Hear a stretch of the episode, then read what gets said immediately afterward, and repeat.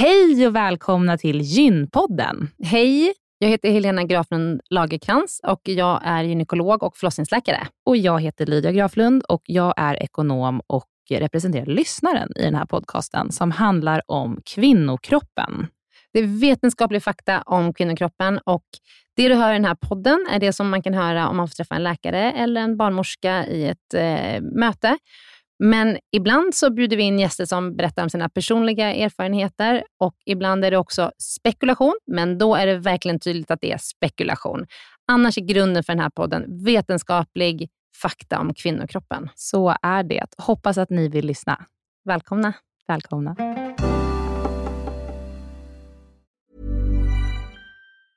If you're struggling to lose weight, you've probably heard about weight loss medications like Wigovi or Zepbound, and you might be wondering if they're right for you. Meet PlushCare, a leading telehealth provider with doctors who are there for you day and night to partner with you in your weight loss journey. If you qualify, they can safely prescribe you medication from the comfort of your own home. To get started, visit plushcare.com slash weight loss. That's plushcare.com slash weight loss. plushcare.com slash weight loss. Den här veckans avsnitt av Gynpodden är sponsrad av Ester Care. Och Helena, det är ju det bolaget, vårdbolaget, som du och jag har varit med och startat, där vi erbjuder digitala vårdmöten med specialister inom kvinnovård. Precis.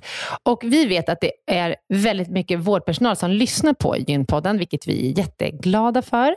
Och vi behöver alltid fler gynekologer till STKR. Så därför vill vi nu göra en shout-out till alla er som lyssnar där ute som vill vara med och förändra svensk kvinnovård.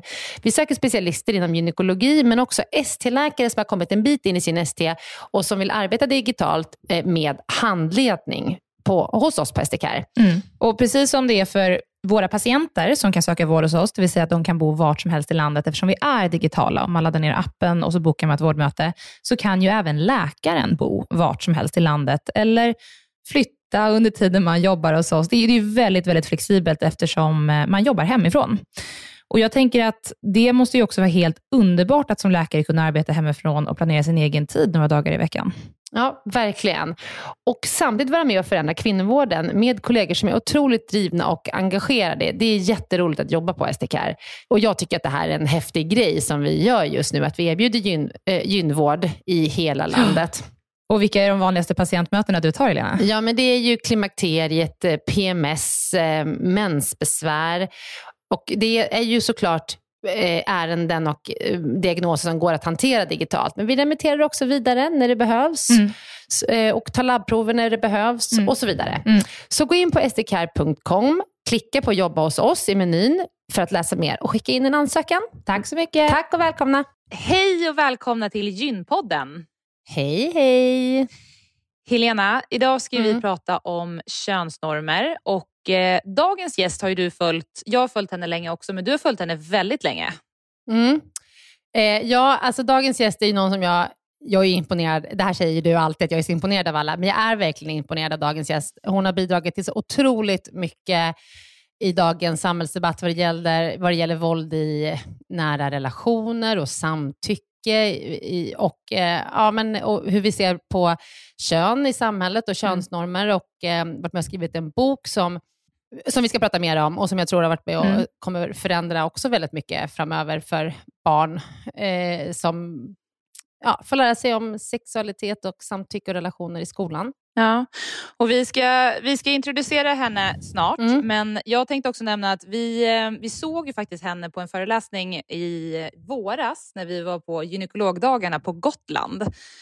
Eh, och Då pratade hon om eh, könsnormer och hur det, hur det liksom lärs ut till barn tidigt och hur det här påverkar hur man blir som en vuxen person. Och så, så pratades det liksom delvis om mäns våld och samtidigt som vi är på den här föreläsningen, man blir otroligt inspirerad samtidigt som man blir arg, så får jag en nyhetsnotis eh, på Omni om eh, att en kvinna hittats som blivit nedkastad i ett hål eh, av en man som har friat till henne och hon har sagt nej till det frieriet och då har han blivit så förolämpad att han har försökt mörda henne.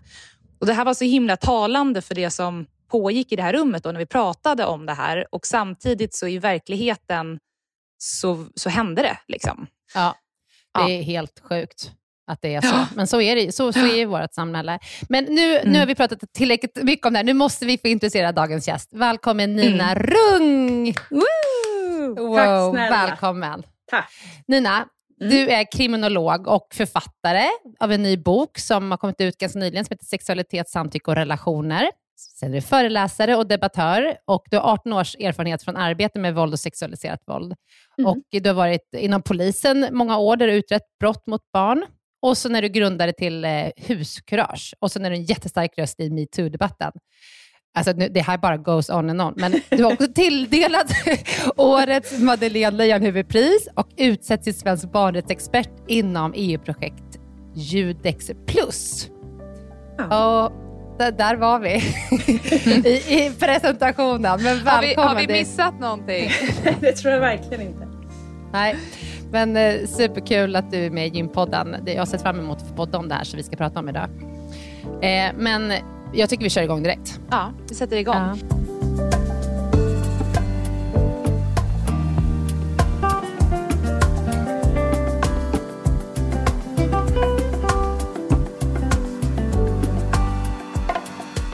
Kan vi börja med Nina, kan inte du berätta lite om Judex Plus?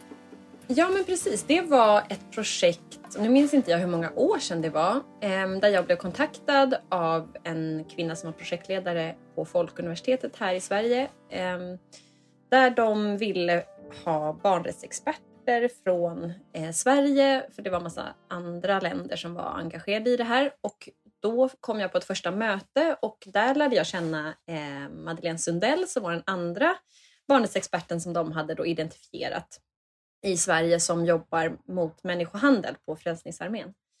Så mm, vi möttes där och från det så hade vi varit med på ett gäng möten, både tillsammans med eh, de andra aktörerna från andra länder. Eh, vi hade någon föreläsning också i Uppsala som var kopplat till just den här frågan. Eh, och frågan som det handlade om, som, som hela projektet utgick ifrån, det var hur får vi till ett mer barnvänligt rättssystem när det gäller sexuella mm. övergrepp på barn. Så det var, eh, det var grundfrågan eh, helt enkelt. Mm. Jag tänkte kolla med dig, jag har ju hört i ett annat poddavsnitt när vi poddade med Katarina Wenstam så nämnde hon att du har eh, varit med och påverkat att en lag ska stiftas eller har stiftats. Vill du berätta mer om det? Ja, men jag tror att det hon menade då, eller det hon pratade om var ju det som jag gjorde en insamling kring, alltså en namninsamling och lämnade över till Morgan Johansson när han var justitieminister. Ehm, det måste ha varit 2018 för jag var extremt höggravid när jag lämnade över den här har jag sett på bild sen. Det var liksom sista, så här, ni måste ta emot den här nu för jag ska föda barn sen. Ehm, så 2018 var det under sommaren och det, det jag Ehm, det som hade hänt då var att jag satt med i ett, ehm, ehm, en referensgrupp, en expertgrupp för polisen för att se hur vi skulle kunna jobba bättre när det gäller sexualbrott. För polisen har ju inte riktigt lyckats så bra med det, framförallt inte efter omorganiseringen när man gjorde om massa saker inom polisen som faktiskt gjorde det sämre när det gäller eh, framförallt eh, utredning av sexualbrott. Eh, så då satt vi där och var flera experter runt bordet och pratade om så här, hur ska vi göra? Och en sån sak som ju forensikerna, det var de som hade tagit initiativ till den här typen av eh, expertgrupp, alltså de som sitter och ja, men tittar på spår och, och så eh, efter att brott har, har skett, eh, påpekade just det här att så här, men det, är, det blir så skevt när vi inte får topsa sexköpare. Och så är det ju. Eh, man har inte fått göra det och det, anledningen till det är att eh, man får bara, så att topsa någon, det är ju integritetskränkande på så vis att ja, man stoppar ju in en pinne i någons mun och drar runt. Liksom. Och dessutom så, så testas man sen mot ett register. Och det där får man egentligen bara göra då om man kan förvänta sig att det blir fängelse som straff.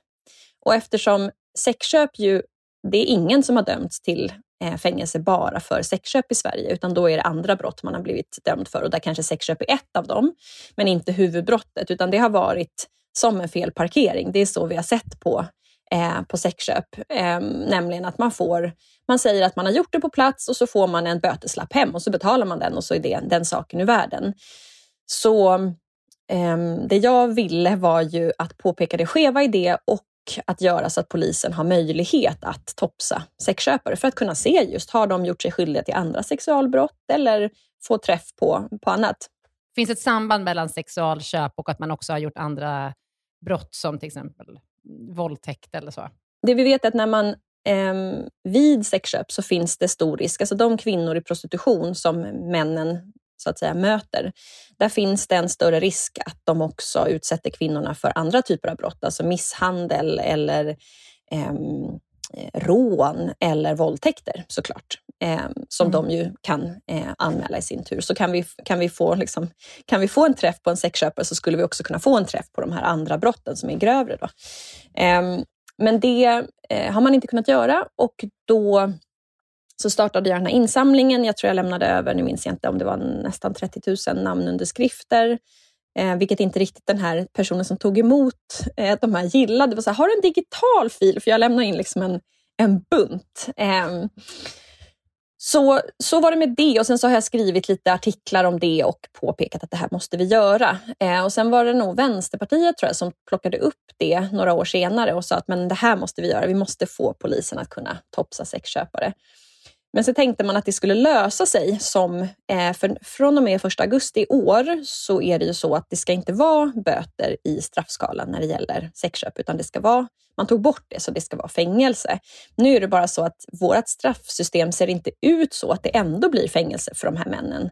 Så det är fortfarande ingen som döms till fängelse, utan man döms möjligen då till villkorlig dom och eh, böter. Så det blev inte jättestor skillnad. Så egentligen kvarstår problemet, men det det polisen åtminstone kan göra nu är att hävda att det skulle kunna bli eh, en fängelsedom och därför också ska kunna topsa. Men, men det är klart att jag hade velat se en annan utveckling i den frågan. Ehm, men, men det är inte heller så att och så ser det ut med lagstiftning. Det är inte enskilda personer. Det kan ju vara det, kan ju vara liksom det som blir droppen som får bägaren att rinna över. Men, men det är ju väldigt många, ofta väldigt långa eh, liksom skeenden innan det blir en lagstiftning.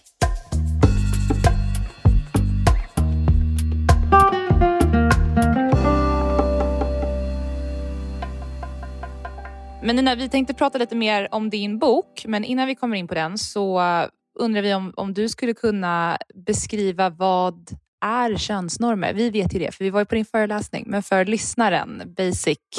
Just det, ja, men väldigt basic kan man väl säga att könsnormer är idéer, föreställningar, eh, värderingar som vi har när det föds ett barn. Så kan man väl börja. Eh, en av de absolut viktigaste frågorna, som, eller första frågorna som, som man får som ny förlöst eller som del i ett par där man har fått ett barn är ju vad blev det? Och Jag tror att de flesta skulle bli väldigt frustrerade om man fortsatte att säga det blev ett barn. Så bara, nej men vad blev det? Det blev ett barn. Alltså till slut skulle ju antagligen motparten bli så här, men sluta nu, säg vad det är.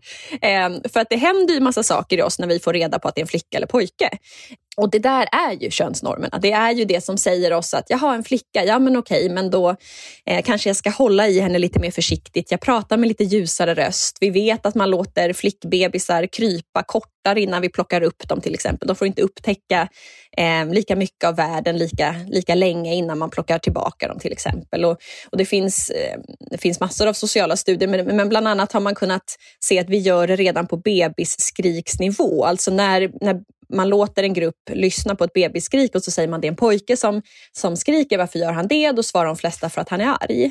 Och sen så säger man, det här är en flicka som skriker, det är samma bebisskrik, men det här är en flicka som skriker, varför skriker hon? Så svarar de flesta att hon är ledsen. Så det börjar liksom redan där och det där är en del av könsnormerna. Sen är det massor av saker som händer runt omkring ett barn som, som hjälper barnet att förstå vad som förväntas av det här barnet kopplat till dens liksom biologiska kön. Och det är ju allt från kultur, kläder, ja, musik och så vidare. Jag, jag minns för jättelänge sedan att jag på en föreläsning när jag fick höra om en studie som jag gjorde i Umeå, på BB i Umeå. Vet du vilken studie som jag menar då? För jag kommer inte ihåg liksom riktigt när ni gjorde så. men det jag minns liksom kortfattat det var att på, redan på BB så hade man då gjort en studie för att se hur eh, ja, men anhöriga, alltså besökare på BB och mamman och pappan också hanterade en bebis som är helt nyfödd, givet, eller, och bara eh, när man vet om det är en pojke eller flicka. Och då var det så, flickor var så här, titta vad liten och gullig och åh, vilka små händer. Och pojkar fick, oj vilken stor bebis, kolla bredan över axlarna och vad stor han är. På BB. Ja, ja verkligen. Ja, Nej, men det, det, det, är ju det. Det börjar så det börjar oerhört tidigt, tidigt. kan man ju säga. Mm. Exakt, det gör det. Och sen fortsätter det där. Så Det som händer med att vi fortsätter att liksom pracka på barn, och det är ingen som gör det av ondo. Eh, det är bara det att vi är också uppväxta på det sättet. Vi, vi är alla en del av liksom en ojämställd miljö, för eftersom det inte finns ett jämställt samhälle, minsta lilla önation någonstans i världen, så det gör att vi alla har med oss de där värderingarna och tankarna. Så det är inte av, av liksom ondo vi gör det, men det som händer är ju att väldigt snabbt så lär sig eh, barn att förhålla sig till det där. Så det gör att små flickor oftare till exempel får mer närhet, alltså fysisk men också emotionell. Att man tränar sig att kommunicera, verbalisera, berätta om känslor, eh, att man får gråta när man är ledsen till exempel. Medan pojkar snarare avvecklas i sin empati och känsloutveckling istället för att utveckla den. Ehm, de får inte lika mycket, ehm, vare sig emotionell eller, eller fysisk närhet på samma sätt och framförallt inte av sina nära vänner när de sen växer upp. Då är det ganska naturligt för tjejer att hålla handen eller kramas eller ligga sked eller vad det nu kan vara. Medan det för, för eh, pojkar eller unga män inte alls finns en naturlighet eh, i det i Sverige i alla fall. Det ser ju olika ut i var man är i världen, men, men på generell liksom, nivå kan man väl säga att det inte är så vanligt att killar håller handen eller går och kramas eller pillar med varandras hår och sådär. Eh, så att det händer saker som påverkar oss och påverkar också sen vilka val vi gör i livet. Eh, om man väljer att jobba med barn till exempel, som de flesta som gör det är ju kvinnor inom förskola till exempel, eller inom vården eller omsorgen. Eh, Medan vi sen har eh, män i, i arbeten som, som kanske handlar om teknik eller handlar om eh, bygg eller vad det nu kan vara. Vet du om det här ser eh, olika ut i världen? Just det här hur man behandlar bebisar, om det är en flicka eller pojke. Är det, jag antar att det är kulturellt, men det känns ju också väldigt basic att man, att man gör så med tjejer eller, eller pojkar. Ser det likadant ut i hela världen? Ja, jag vet inte i hela världen. Det finns ju vissa eh, samhällen som inte är lika påverkade av omvärlden, som har, där det finns jätteintressanta eh, både böcker och studier som har kommit hur man ja, men bär barn på ett annat sätt än vi gör i Sverige till exempel, där man har andra eh, kulturella idéer eh, som handlar om att man är flera som uppfostrar små barn till exempel, eller man alltid låter dem vara med oavsett kön, alltså de sitter på kroppen och så vidare. Men om man tittar på liksom västvärlden, den, den typen av kultur som vi också har här, så, så ser studier ungefär likadana ut eh, utifrån hur vi behandlar eh, små barn. Nu måste jag dra en annan studie som jag läste om, eh, som var gjord på förskolenivå. eh, och, eh, det var, då hade man tittat på hur förskolepersonalen eh, behandlade pojkar och flickor, och kanske var då fyra, fem, sex år. Mm. Eh, och då hade de en kompost på den här förskolan. Och eh, då så bad de, bad de först då, Daniel, så här, Daniel kan du, nu kan du gå ut med komposten. Nej, men jag håller på och leker med mina bilar här, jag kan inte. Ja, så bad de Ali, så här, Ali, kan du gå ut med posten, komposten? Då? Det är din tur. Nej, men jag hinner inte, jag började det. Men Linda, skulle du kunna gå ut med komposten? Nej, men jag leker. Men Linda, om inte någon går ut med komposten, vem ska, då är det ingen som går ut med komposten. Någon måste gå ut med komposten det var tydligen signifikant skillnad i hur man bad barn, barn om att utföra eh, uppgifter på förskolan. Ja. Så helt otroligt intressant tycker jag. Ja, men det är det och det finns många sådana studier. Vi är duktiga mm. på det i Sverige skulle jag säga och det gör ju att vi eh, har ganska så mycket eh, forskning och studier kring Eh, till exempel genus eller hur man eh, bemöter barn och så. Och där finns det en sån himla felaktig idé också som jag kan bli så otroligt frustrerad kring. Men som handlar om det här som vissa partiledare kallar för genusflum. Att man liksom att man tänker att så här, det innebär att pojkar får inte leka med bilar och flickor får inte leka med dockor. Utan det är ju snarare tvärtom. Vi vill ge alla möjligheter till barnen. Att de får hela paletten och får bli precis den de är. Inte utifrån idéer som vi bestämmer eh, att de ska vara i. Men jag, jag minns när jag skolade in min, eh, mitt första barn. Och då var jag där tillsammans med en eh, pappa som skolade in sin son. Så var vi på förskolegården och så var det Ehm, det höll på att byggas precis i närheten så det åkte förbi hjullastare och traktorer, ja, ni vet allt möjligt när man ska bygga. Ehm, och varje gång det åkte förbi ett nytt fordon så satte sig pappa ner och sa titta, titta till sin son. Nu är det en och så sa han då vad det här var för, för någonting och sen så var vi där några timmar och när det var dags att gå så säger han ja, min son han är så intresserad av bilar. Varpå jag säger ja, jag, jag har ju också sett att varje gång det åker förbi ett nytt fordon så påpekar du det och peppar pappa det. Eh, så, så jag förstår att han, att han har ett intresse för bilar. Och pappan tittar på mig och bara nej, nej, nej, nej men alltså, alltså han, han är så intresserad, det har ingenting med mig att göra. Och vet du, det här, det här är sedan stenåldern. Varpå jag då säger, eh, ja, alltså jag, jag vet faktiskt inte hur många bilar och så det fanns på stenåldern. Det blir ju absolut lite trist stämning. Men jag tänker att ibland så, så är det också värt att liksom påpeka det mest obvious här. Att så här, nej, utan du behöver också se ditt beteende eh, mm. utifrån eh, idén han hade om att hans pojke var så intresserad av, av bilar. Det är klart att vi påverkar våra barn. Men, och det här med den här komposten, det är ju väldigt tydligt sen när man kommer upp eh, och, är klass, eller, och är föräldrar på föräldramöten. Nina, du som har barn, Lydia har ju inga barn än, du, du kommer bli varse detta.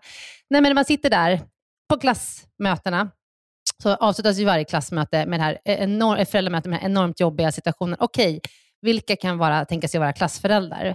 Varpå det är tyst en stund och så bara, ja men några måste ju vara klassföräldrar. Då är det liksom mamma, efter mamma efter mamma som räcker upp handen. Ibland, någon enstaka gång har det varit en pappa, men på riktigt så är det ju liksom 95 mammor. Mm. Och eh, nu för något år sedan så var det, så vi skulle ha, vi var, det var liksom en stor förskoleklass, det var liksom en stor klass, så att vi skulle ha sex klassföräldrar. Och då till slut var det fem och så var det så här, ja, men en till nu, kom igen nu då. Liksom. Och då är det en pappa som räcker upp handen och så säger han så här, ja om det behövs en till, då kan jag anmäla min fru. alltså, jag fick en, alltså jag, jag fick en alltså jag, det var helt, det bara, jag bara rös i hela kroppen. Vad är detta liksom? Alltså, ni har ju Men, skrivit om det här i vår, vi har en familjegrupp Nina, där ja. vår andra syster har skickat exakt det här också som ja, hände det, på hennes förskola. Nej, så det, det är ju genomgående.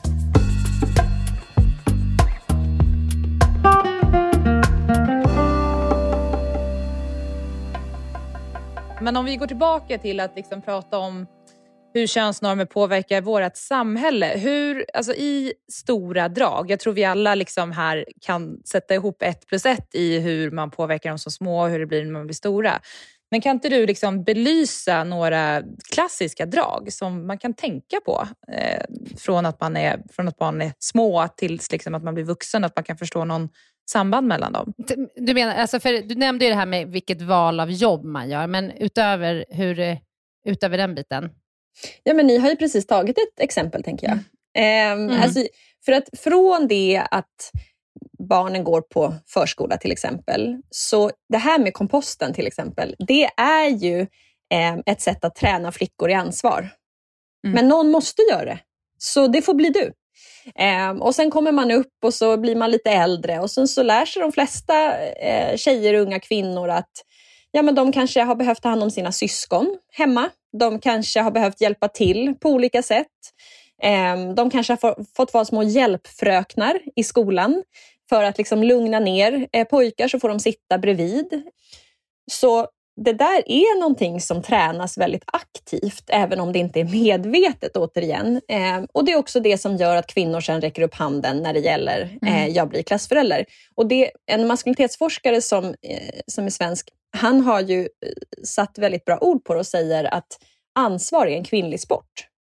Det är kvinnor som tar mm. ansvar. Och då pratar vi inte om arbete, för där har ju väldigt många män eh, utifrån de här värderingarna återigen, men lätt att ta ansvar därför att det förväntas av dem. De är chefer eller de, de har ett ansvar eller känner det eh, och har inte svårt att göra det på en sån plats. Men däremot sen när det kommer till familjeliv och hem eh, så är ju flickor, då, från det att de är små så har de tränats på att leka mamma och pappa barnlekar eller eh, vad det nu kan vara. Jag fick precis en kompis som sa, vet du min eh, systers barn är två och den lek hon leker varje dag med en pojke på förskolan, det är hon är gravid och han ska bli pappa. Och så, ska de liksom, så tränar de på det här på, på olika sätt. och Så, där. så att det är ju något som, som eh, vi tränas i och där eh, kvinnor oftare sen eh, tar ansvar för, för hus och hem. Det ser vi när det gäller det obetalda hushållsarbetet till exempel, som kvinnor tar en större del av. Eller att man vabbar i större utsträckning, tar ut föräldraledigheten i större utsträckning. Eh, så det är ju ett konkret exempel, det som ni precis drog. Jag har fått höra att, att eh, flickor mognar snabbare än pojkar, alltså när man är barn. Stämmer det? Eller är det också en social konstruktion? Vet du, jag fick den frågan här om sistens också på en föreläsning faktiskt. För det är någonting som jag också har hört och det kanske man mm. får prata liksom med någon som är En läkare kanske? Ja, men precis. En läkare som är Helena, alltså, som, kan du berätta då? som kan pubertet. Jag, Ja, men jag tror att, eh, utan att jag kan exakt med månader, så tror jag att eh, genomsnittsåldern är senare för pojkar att hamna i puberteten än flickor. Ja. Eh, nu är jag lite ute på och gissar, men eh, jag har för mig att det är så. Och detta ska jag kolla upp direkt. Och det borde ju bre på då, tänker jag, ännu mer. Alltså att flickor tidigare kan, liksom, att de mognar snabbare på då också att man hamnar i en könsroll där man förväntas ta mer ansvar på det sättet. Så att, jag vet inte om det kan spela in också.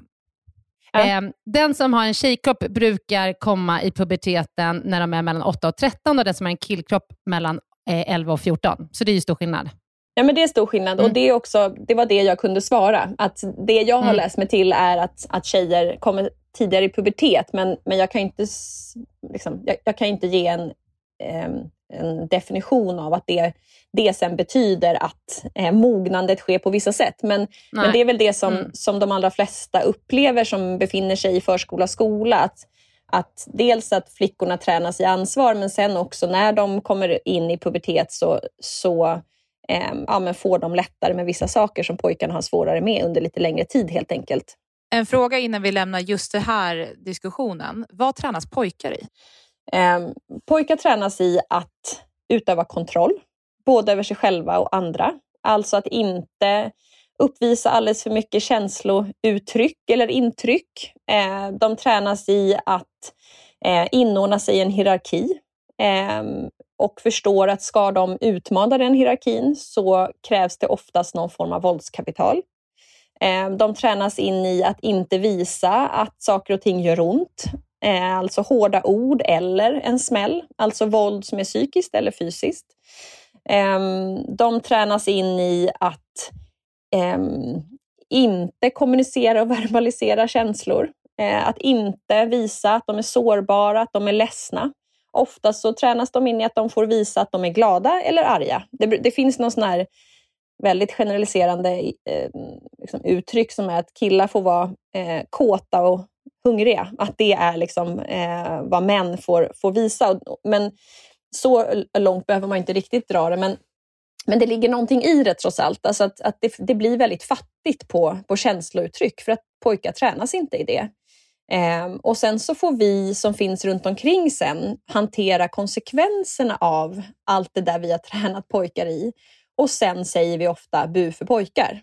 Pojkar är så jobbiga, mm. eh, de kan inte sitta still, de slåss, de är dumma mot varandra och så vidare. Och så här, ja, men det är ju vi som har sett till att det har blivit på det sättet. Så vi är inte villiga att ta konsekvenserna av det vi tränar pojkar i. Det är ju ett av våra stora problem skulle jag säga. För rent statistiskt om vi sen tittar på vad pojkar som sen blir män gör, eh, alltså i form av våld, i form av sexuellt våld, i form av så pass grovt våld som, som eh, mord, så är ju pojkar ohyggligt överrepresenterade. Eh, tittar vi på sexualbrott till exempel, oavsett vilket, så, så ligger de, de som är misstänkta för sexualbrott varje år, så är mellan 97 och 99 procent pojkar och män. Och tittar vi på ja, men till exempel gängkriminalitet så har vi i stort sett bara män, både som utövare men också som, som offer. Men tittar vi också på det vi inte har tränat pojkar i, nämligen att visa sig sårbara, att be om hjälp, att uttrycka känslor, så har vi ju också en oerhört stor överrepresentation när det gäller självmord till exempel. Mellan 72 och 75 procent av de som tar livet av sig, det är pojkar och män. Nio av tio som dör, dör i drunkningsolyckor, det är killar och män. De flesta som dör i, i alkoholrelaterade skador i trafiken, just för att man lärs in i och tränas i ett riskbeteende. Så man hoppar i, ner i vattnet från för höga höjder utan att kolla att det är en sten under och bryter nacken. Man kör bil för fort, man kör kanske rattfull. Eh, man dricker för mycket alkohol, för det är också en del av eh, killnormen att tåla alkohol. Så att man tränas in i massa saker som faktiskt blir potentiellt livsfarliga för andra, men också för en själv. If you're struggling to lose weight, you've probably heard about weight loss medications like Wigovi or Zepbound, and you might be wondering if they're right for you. Meet PlushCare, a leading telehealth provider with doctors who are there for you day and night to partner with you in your weight loss journey. If you qualify, they can safely prescribe you medication from the comfort of your own home. To get started, visit plushcare.com slash weight loss. That's plushcare.com slash weight loss. plushcare.com slash weight loss. Quality sleep is essential. That's why the Sleep Number Smart Bed is designed for your ever evolving sleep needs. Need a bed that's firmer or softer on either side? Helps you sleep at a comfortable temperature? Sleep Number Smart Beds let you individualize your comfort so you sleep better together. JD Power ranks Sleep Number number 1 in customer satisfaction with mattresses purchased in-store. And now save 40% on the Sleep Number limited edition Smart Bed for a limited time. For JD Power 2023 award information, visit jdpower.com/awards. Only at Sleep Number stores or sleepnumber.com. Veckans avsnitt av Gynpodden är sponsrat av mittpreventivmedel.se som är en informationssida från Bayer. Mm. Jättebra informationssida. Eh, den, den är full av information och material för att du på bästa sätt ska kunna välja vilken preventivmedelsmetod som passar dig allra, allra bäst. Mm. Och Det vi tänkte prata om idag det är att det finns något som heter samtalsguide Mm. på den här sidan. Mm. Och Det är ett formulär där man har, får en massa frågor, till exempel så här, att komma ihåg att ta med preventivmedel dagligen är inget problem för mig, eller ibland svårt, Mm. eller inte min grej. Mm. Eller eh, om jag blev gravid nu och så vidare. Liksom. Så att man får kryssa i en massa frågor och ta ställning och fundera innan du Mm. träffar din gynekolog eller barnmorska. Så att du liksom verkligen får med alla frågor som är viktiga för dig i det där mötet. Ja. Så man kan fylla i den på den här hemsidan, så kan man skriva ut den här blanketten och ta med den. Ja. Jag skulle säga att, att det verkar som att det är framförallt fyra kategorier som Mm. är väldigt viktiga. Och sen, Mm. så, sen så spelar det ju in vad du har tagit innan och hur det funkat för dig och, Mm. sådär, och din historik. Men det verkar ju som att det handlar mycket om hur liksom ordningsam man är, eller hur strukturerad man är, kunna ta någonting dagligen. Mm. Eh, hur viktigt det är att man inte blir gravid. Eh, användning av hormonella preventivmedel eh, och om man vill påverka sin menstruation på något sätt. Mm. Så det verkar som att det är de fyra kategorierna som man, man bör fundera på innan Mm. man väljer ett preventivmedel. Man får bra guidning i hur man ska svara på de här eh, med olika kategorier och olika svar.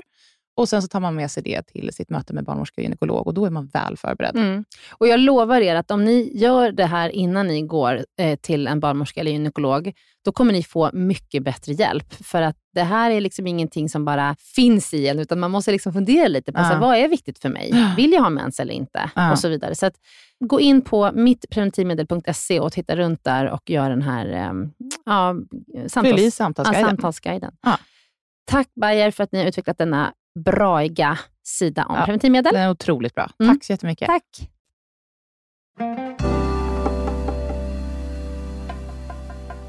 Men Nina, det här var lite min nästa fråga som du har svarat på nu. För att förutom då familjen, så hur påverkar könsnormerna samhället? Och då har du svarat på det här. Men det du beskriver, alltså, eh, man har ju också diskuterat så här, är detta, finns det någon biologi i detta? Är det liksom att de har en, en Y-kromosom som kvinnor inte har? Eller kan man tillskriva det här beteendet könsnormerna? Att de tränas till att vara på det här sättet?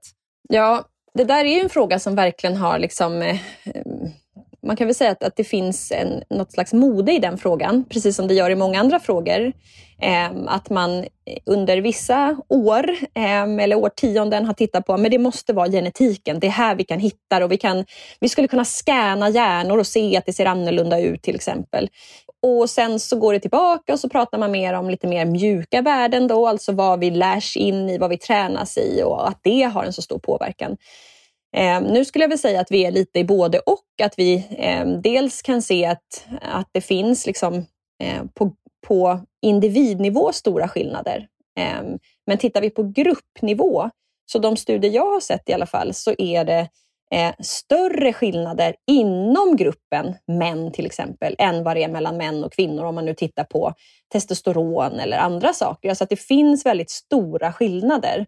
Ehm, som, som framförallt är på individ, men inte när man tittar på liksom det stora hela. Så det, det är liksom inte en så bra förklaring att bara hävda gener eller eh, liksom kromosomer eller vad, hur vår kropp ser ut. Så där. Eh, utan det måste till någonting annat. Och det, och det kom en studie för några år sedan där man kunde se att eh, testosteronhalten den eh, påverkades av vad män gjorde.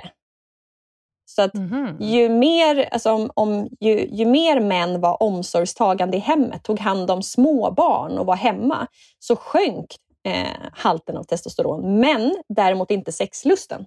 Så de bibehöll sexlusten, men själva det som vi annars brukar koppla till, typ våld eller aggression eller så, eh, att, att den halten sjönk. Så att det är också intressant, tänker jag, att man, kan, man skulle kunna då se det som att då kan man påverka eh, liksom, vad ska man säga, ja, fy, fysiken, Hormonerna. eller vad man ska säga, men precis, mm. Mm. Eh, med eh, våra beteenden. Så jag tror att vi säkert Kanske kommer se ännu mer eh, forskning kring det. relaterat på något sätt, låter det nästan som. Alltså som att det är, det är en lugnare miljö om man är hemma, mer mm. nurturing liksom, och eh, jag vet inte. Att det, det spontant så tänker man ju så.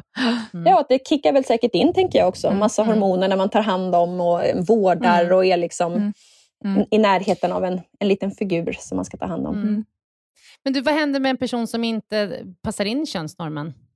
Ja, det vi vet alltså forskningsmässigt är att det är väldigt tufft eh, att växa upp på det sättet. Framför allt kanske i, i miljöer som inte är särskilt tillåtande. Det är frågan om vilka miljöer egentligen som skulle vara det. Men man kan väl säga att det, det är ganska dubbelt, för det finns också mycket större förståelse bland unga idag. Det är inget konstigt eh, att prata om könsöverskridande uttryck eller eh, icke-binära eh, inom vissa grupper, eh, där, där det är självklart att det finns personer som, som inte eh, upplever att de tillhör tjej-kille, liksom idén.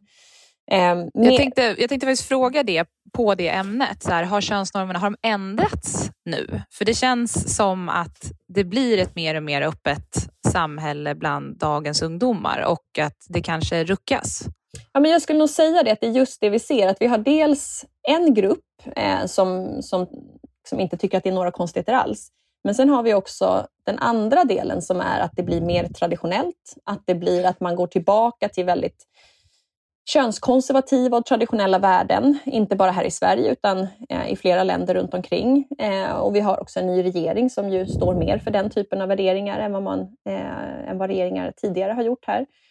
Så att det, det finns också ett stort motstånd, alltså därav att man kallar det genustrams eller genusflum och, och inte förstår vad det faktiskt innebär. Ehm, att man inom, ja, i vissa länder har förbjudit genusforskning på universitet och så vidare. Så jag tänker att det är, eh, det är två delar i det. Eh, dels att vi blir mer förstående för vi får mer kunskap, men också att ehm, det finns fler som inte alls tycker att det där eh, ens finns eller att det är någonting som får finnas. Mm. Trots att vi vet att den gruppen också är väldigt, väldigt utsatta. Alltså både för våld, sexualiserat våld, psykiskt våld, både i, i egna relationer men också av andra runt omkring.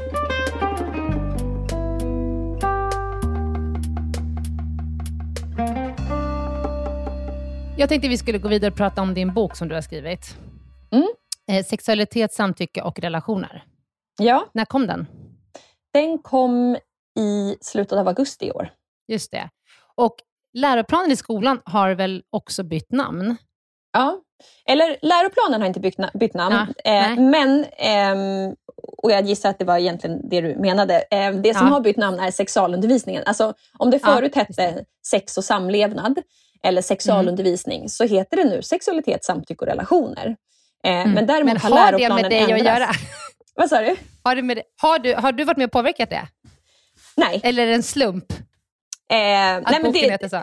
Nej, utan det, det var ju för att vi har ju vetat ett tag att det är eh, det som kommer hända med den nya läroplanen. Så därför heter Fattar. boken eh, ja. Därför heter boken det som, som det nya ämnet heter. Eh, och det är ju för att när vi fick den nya läroplanen som började gälla från och med i höstas så är den fantastisk. Den är verkligen det. Den är, eh, vi har aldrig haft en så tydlig och bra, eller tydliga och bra skrivningar i läroplanen när det gäller just de här ämnena. Och det som också har hänt är att i läroplanen så finns det inledande delar och det betyder att de delarna de, de ska alla lärare förhålla sig till. Eh, inte bara biologiläraren eller naturkunskapsläraren som förut har stått där och fumlat med någon banan och kondom eller vad det nu kan vara. Utan eh, nu, nu, nu är faktiskt kravet att varje lärare, oavsett ämne, slöjdlärare, idrottslärare, mattelärare, ska lyfta sexualitet, samtycke och relationer. Och det är väldigt tydligt också vad de ska göra. Allt från att de ska ge just eleverna kunskap om hur kvinnligt och manligt och föreställningar om det påverkar deras livsmöjligheter. Det vi har pratat lite om nu. Ju. Eh, men också att de ska kritiskt kunna granska pornografin, de ska kritiskt kunna granska hur man framställer sexualitet i bild och media. Eh, och framförallt en, en sak som är så oerhört viktig, det är att både sexualitet och relationer måste bygga på samtycke. Så det här ska mm. alla lärare göra. Eh, och Problemet var väl bara att när, det här, när den här introducerades nu i höstas så hade ju väldigt få lärare eh, kunskap om det, för de har inte fått hjälp med det.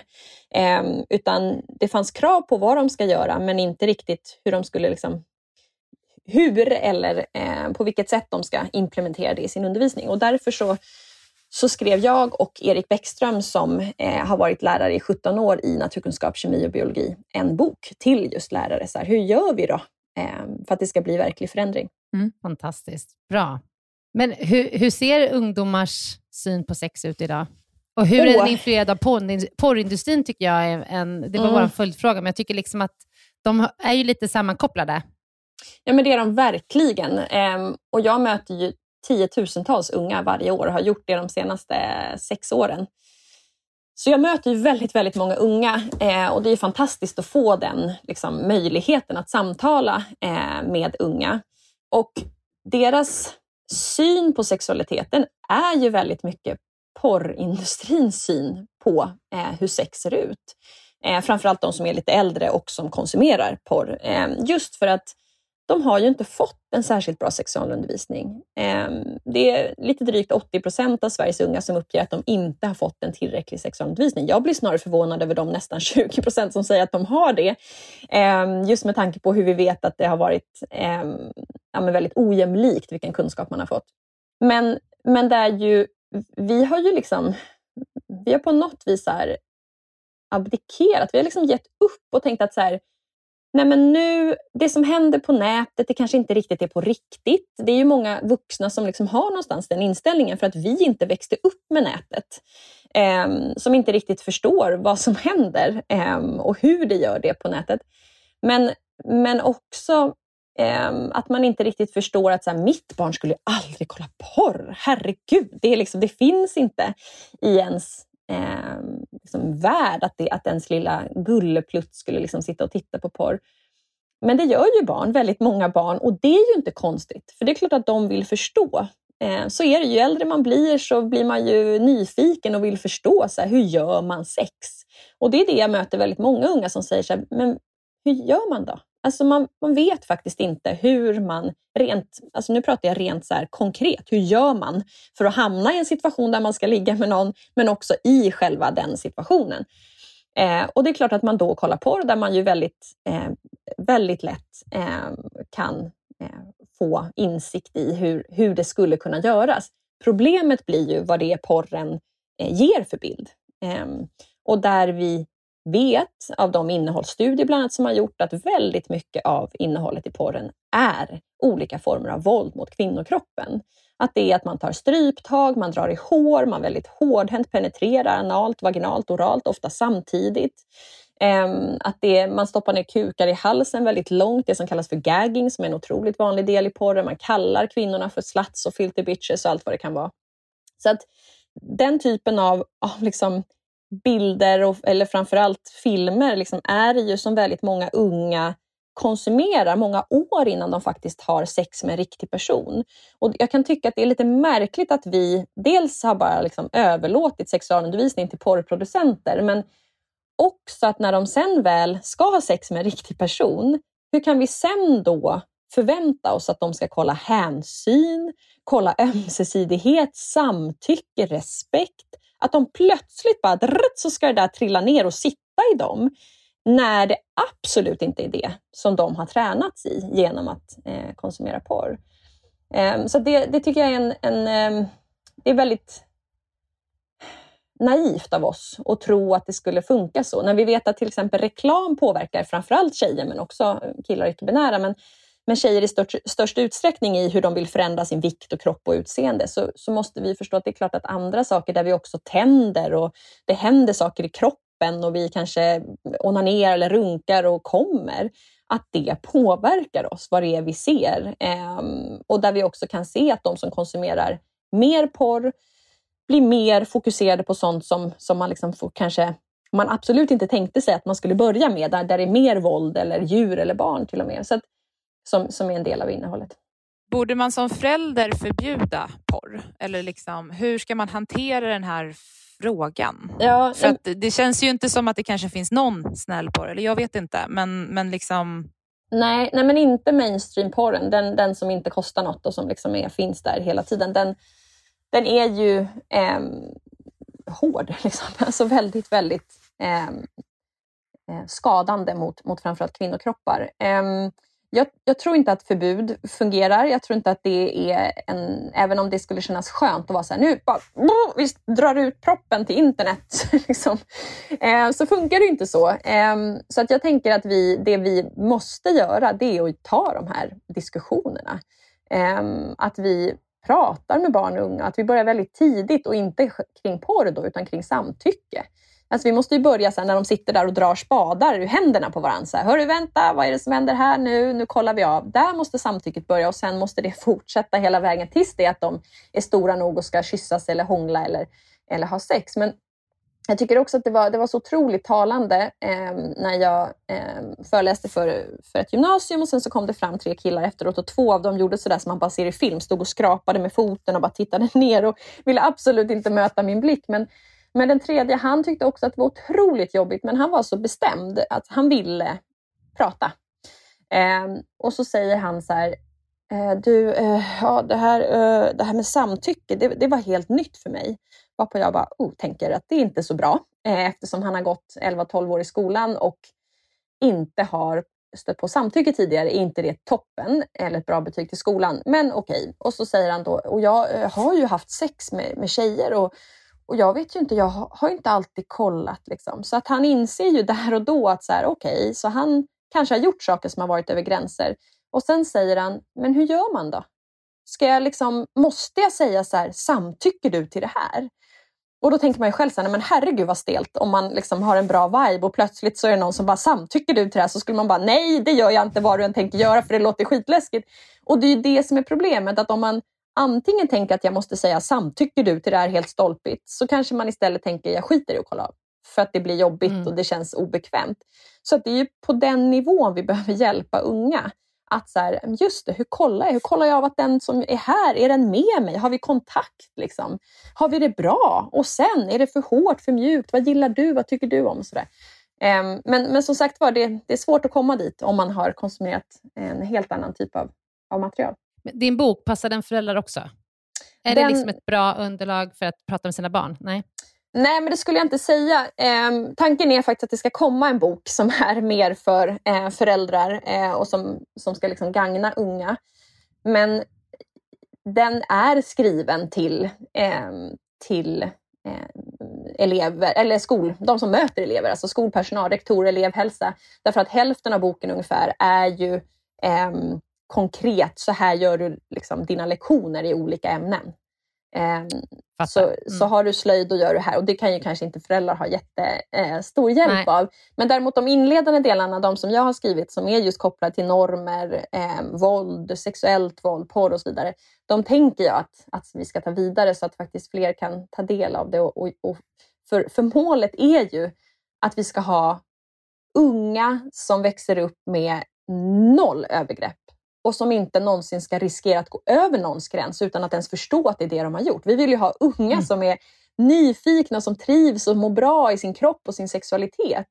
Um, så att man, för det är något man ska ha med sig hela livet ju, förhoppningsvis. Mm. Um, och då blir det ju riktigt illa om det börjar med att saker gör ont eller man um, till och med blir utsatt för övergrepp som ung. Okej, vi inväntar den boken.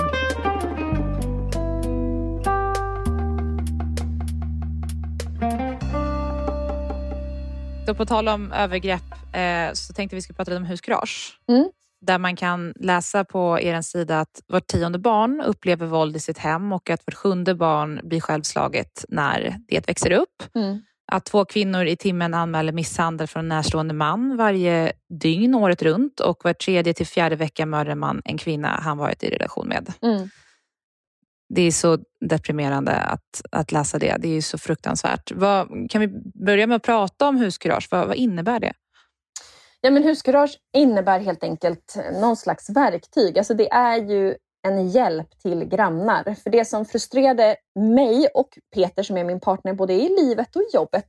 Ehm, det som frustrerade oss väldigt mycket, det var 2014 som vi grundade Huskurage. Det var att då utredde jag det grövsta våldet mot Ehm, en partner i vuxna relationer eh, inom polisen. Och eftersom jag satt i den gruppen som bara utredde frihetsberövade så var männen alltid satt, de satt i arresten när jag mötte dem första gången. Eh, och kvinnorna, antingen fanns de på en vårdinrättning eller så hade de eh, skador och hade liksom tagit sig därifrån så att säga. Men, alltså inte från relationen utan från, eh, från vården. Men det som var så frustrerande det var att så många grannar hade sett, hört, men de hade inte gjort någonting. Och Mm. Då tänkte jag och Peter, okej okay, vad kan vi göra? För, för Peter jobbade med våldsprevention och en kväll så var han bara så här, men du, det måste finnas en policy. Vi måste ju liksom, typ som rädda larma släck. Där vet vi alla vad vi ska göra om det brinner. Hur kommer det sig att vi inte vet vad vi ska göra när vi är oroliga för att barn eller vuxna far illa? Um, så att vi skrev ihop en policy och gav den till vår bostadsrättsförening som ju först var så här, uh, har vi jättemycket problem här? Vi bara, mm. Nej, det tror vi inte, men rent statistiskt, ja, så ser det ut så här. Så, så det är klart att det finns någon också i det här huset eh, som lever med utsatthet just nu eller tidigare utsatthet eh, utifrån den statistiken du precis drog. Så då grundade vi Huskurage. Vi började med att vi liksom skickade ut så, här, så fort någon hörde av sig och sen bara, men det här funkar inte. Då är det enda jag gör att sitta och mejlar ut vår policy. Så att, Numera så, så finns det ju en hemsida eh, där allting finns så att det ska vara eh, lätt. Det är gratis inför huskurage oavsett om man är en kommun eller om man är en liten bostadsrättsförening och där finns det på översatt också till sju andra språk, de vanligaste talade i Sverige utöver svenska då såklart. Eh, och sen så sätter man upp en policy i trappuppgången och gärna i tvättstugan och var man nu stannar upp för att läsa lite och sen så delar man ut information till alla grannar. Och det här kommer inte betyda att alla kommer agera. Men om en mm. gör det i ett hus så kan vi faktiskt rädda liv. Och vi, mm. vi vet idag när vi har 101 bostadsbolag från Kiruna till Ystad som är eh, del av Huskurage. Så de vi har fått reda på, där kvinnorna själva har berättat för sin värld att hade inte grannarna knackat på just då så vet jag att jag hade dött för han höll på att strypa ut mig till exempel. Fyra sådana kvinnor har har vi fått berättelser av där de eh, höll på att dö men blev räddade. Eh, ja. Eller blev, blev knivhuggna men, men lyckades räddas av grannar. Så att vi vet att huskurage räddar liv eh, och ja. vi vet det därför att det har hänt. Men vi vet ju också att vi har fått så otroligt många meddelanden under de här åren från så många som har agerat och där det inte har eskalerat utan där polis har kommit till plats och där, där man har fört bort mannen och det har inte blivit värre eller där man har hjälpt in kvinnan till sig själv och så vidare. Eh, och problemet är ju eftersom jag också har mött så många barn som, som säger att men alla visste ju. Alltså skolan mm. visste, grannarna mm. visste. Det gjorde ingen någonting. Som har skrikit mm. det högsta de kan för att någon ska göra något och ändå gör ingen någonting. Så vi vill liksom sänka ribban. Vad ska man som granne göra? Knacka på?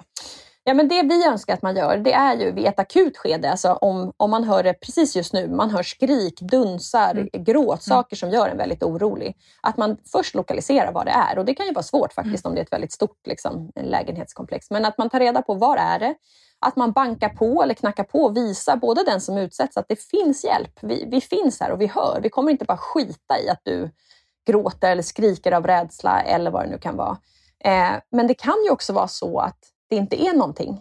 Eh, och då är det ju himla bra att man inte först och främst ringer polisen. Eh, mm. Även om man, om man inte vill gå fram så gör det ändå. Alltså gör det. Om du inte vågar göra något annat så ring åtminstone polisen och säg nu har jag kollat det hos liksom Andersson på femman som det, eh, som det verkar hålla på. Men det som händer med att vi bara ringer polis, det är ju dels att det kan faktiskt vara så att någon, som det har hänt flera gånger, att det är någon som sitter och är så engagerad i en fotbollsmatch och skriker och härjar. Men det är faktiskt ingen som blir utsatt för någonting mer än att det kanske är lite jobbigt för grannen att, att det härjas. Då. Eh, och då behöver man inte riktigt eh, ha polisen hemma hos sig. Eh, men också det att vi har sett att till och med på Södermalm i Stockholm, som är en av de mest liksom, polistäta distrikten i Sverige, så tog det över två timmar innan polis kom mm. fram eh, och en kvinna hann mördas där grannen mm. ser att en eh, man slänger ut en kniv ut från balkongen och där en, eh, han ser, eller ser att det finns en kvinna. Så att jag tänker att det finns... Anledningen till att vi har satt knacka på eller banka på högst upp är just av anledningen att på vissa ställen i Sverige så tar det timmar innan polisen hinner fram. Och då kan alldeles för mycket redan har hunnit hända. Men vill man inte stå kvar, alltså att man inte vill stå kvar och säga hej, vet du, jag är jätteorolig för jag hör dunsar, skrik. Mm. Eh, så det står också tydligt på policyn, knacka på, gå därifrån, ring polisen. Ja. Eh, knacka på igen om det fortsätter, gå därifrån. Så att du hela tiden visar att, och stör. För det vet vi, det stör den som utövar ja. våld när man knackar på. Eh, det får eh, honom, vilket det främst är när det är systematiskt och grovt våld, att liksom eh, stanna upp. upp liksom. Precis. Ja, för det var precis det jag tänkte. Att, så här, att våga knacka på och stå kvar när man misstänker att en man håller på att slå ihjäl någon. Det är ju också en ganska utsatt situation att ställa sig själv i. Vad, kan man ha med sig någonting eller är det just att man då kanske man knackar på och går därifrån och går in igen? Och liksom...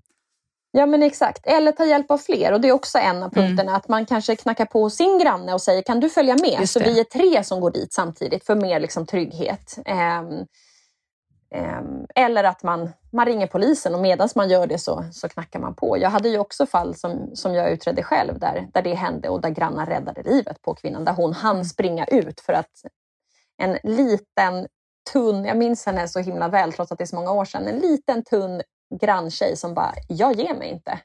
Mm. Eh, så hon gick dit igen eh, och knackade på. Och första gången så öppnade mannen supertrevlig. Nej, det är inga problem, vi kollar TV. Tack för att du ringer på. Andra gången låter han lite mer irriterad, men så här, det är inga problem. Och då sätter hon faktiskt, när han ska stänga dörren, så sätter hon foten emellan och bara, vet du, jag vill se din tjej också. Mm. Eh, och då lyckas den här kvinnan som är spritt naken också springa förbi och ut och grannen kan ta in henne till sig, ringer polisen, polisen kommer, griper honom och hon, hon höll ju på att bli eh, strupen till döds, eller strypt till döds eh, när grannen eh, räddade hennes liv. Mm. Huskurage, alla går in och läser. Och så mm. bor man i bostadsförening eller områden, ja, se till att eh, det här är någonting som implementeras. Det är fantastiskt och vi kan verkligen rädda mm. liv. Nina, tusen tack för att du har varit med och pratat med oss. Det mm. är, Alltså det är så upplyftande det du jobbar med och att det finns människor som du som jobbar med de här frågorna. Och eh, det, Du behövs. Och så konkreta saker. Mm. Jag gillar det mm. så mycket, för det är ju så mm. mycket mörker kring det här, men det känns också som att du verkligen gör konkreta grejer som mm. skapar förändring. Det är Ett, två, tre liksom. Mm. Verkligen. Rädda, larma, släck. Det är det vi behöver få mm. in. Eh, och, och veta också att så här, ja, men lite får man tänka som, som Astrid Lindgren ju beskrev. Så här, om, man inte, om man inte gör något när det är lite läskigt så är man bara en liten lort. Och jag tänker att mm. eh, dels tänker jag på det, men att kanske kan det peppa någon. Men, men också det som Emma Watson sa i ett he for she-tal för FN, alltså där män behöver komma in i jämställdhetskampen. Det är det he for she jobbar för. Eh, och som jag absolut har tatuerat på armen, men om inte jag, vem? Att man liksom har med sig det oavsett i sitt professionella eller sitt privata liv. Så om inte jag gör någonting, vem kommer att göra någonting då? Och förhoppningsvis så landar man i att så här, men det är nog ingen annan, så det är nog jag eh, som får mm. ta det där. Och, och det har också visat sig när man har utvärderat huskurage att kvinnor är mer benägna eh, att agera. Återigen har vi väl det här med ansvars tagandet, eh, men också tycker att det är en viktigare fråga, vilket ju, det är ju bisarrt såklart i sig. Hur kan man eh, inte tycka att det är eh, en av de viktigaste frågorna, att mäns våld mot kvinnor och våld mot närstående upphör? Eh, vi har trots allt så många eh, barn, eh, kvinnor, eh, icke-binära och män som, som utsätts, men framförallt barn och kvinnor som lever i helveten eh, runt om. Och nu har vi ju eh, också snart en hög tid som vi går mot där det ännu mer är så att att det finns en större risk. Det finns alkohol ofta med i bilden, man är mer hemma, man går inte till jobbet på ett tag och det gör att det finns större risk att utsättas. Så att jag, jag hoppas verkligen att man tar med sig sitt mod och tar med sig en annan om man inte vågar och faktiskt blir den där lite jobbiga och ifrågasättande kanske på släktmiddagarna eh, när det blir en jargong eller snack som, som är över alla gränser. Så tack snälla mm. också för att jag fick komma hit eh, eller till er och, och prata, att ni gör den här podden. Jag har lärt mig massor av er podd. Ja, vad bra. Tack Nina. Tack, Nina. Vad glada vi blir. Ja, jätteglada. Och eh, tusen tack och eh, vi sätter punkt för idag. Tack snälla. Ha det bra nu. Tack. Detsamma. Hej. Hej då. Hej.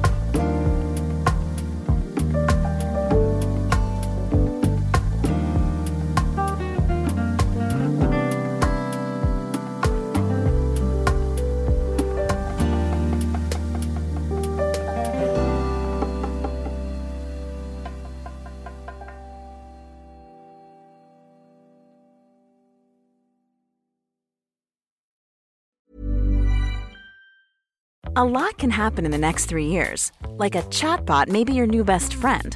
But what won't change? Needing health insurance. United Healthcare Tri Term Medical Plans are available for these changing times. Underwritten by Golden Rule Insurance Company, they offer budget friendly, flexible coverage for people who are in between jobs or missed open enrollment. The plans last nearly three years in some states, with access to a nationwide network of doctors and hospitals. So, for whatever tomorrow brings, United Healthcare Tri Term Medical Plans may be for you. Learn more at uh1.com.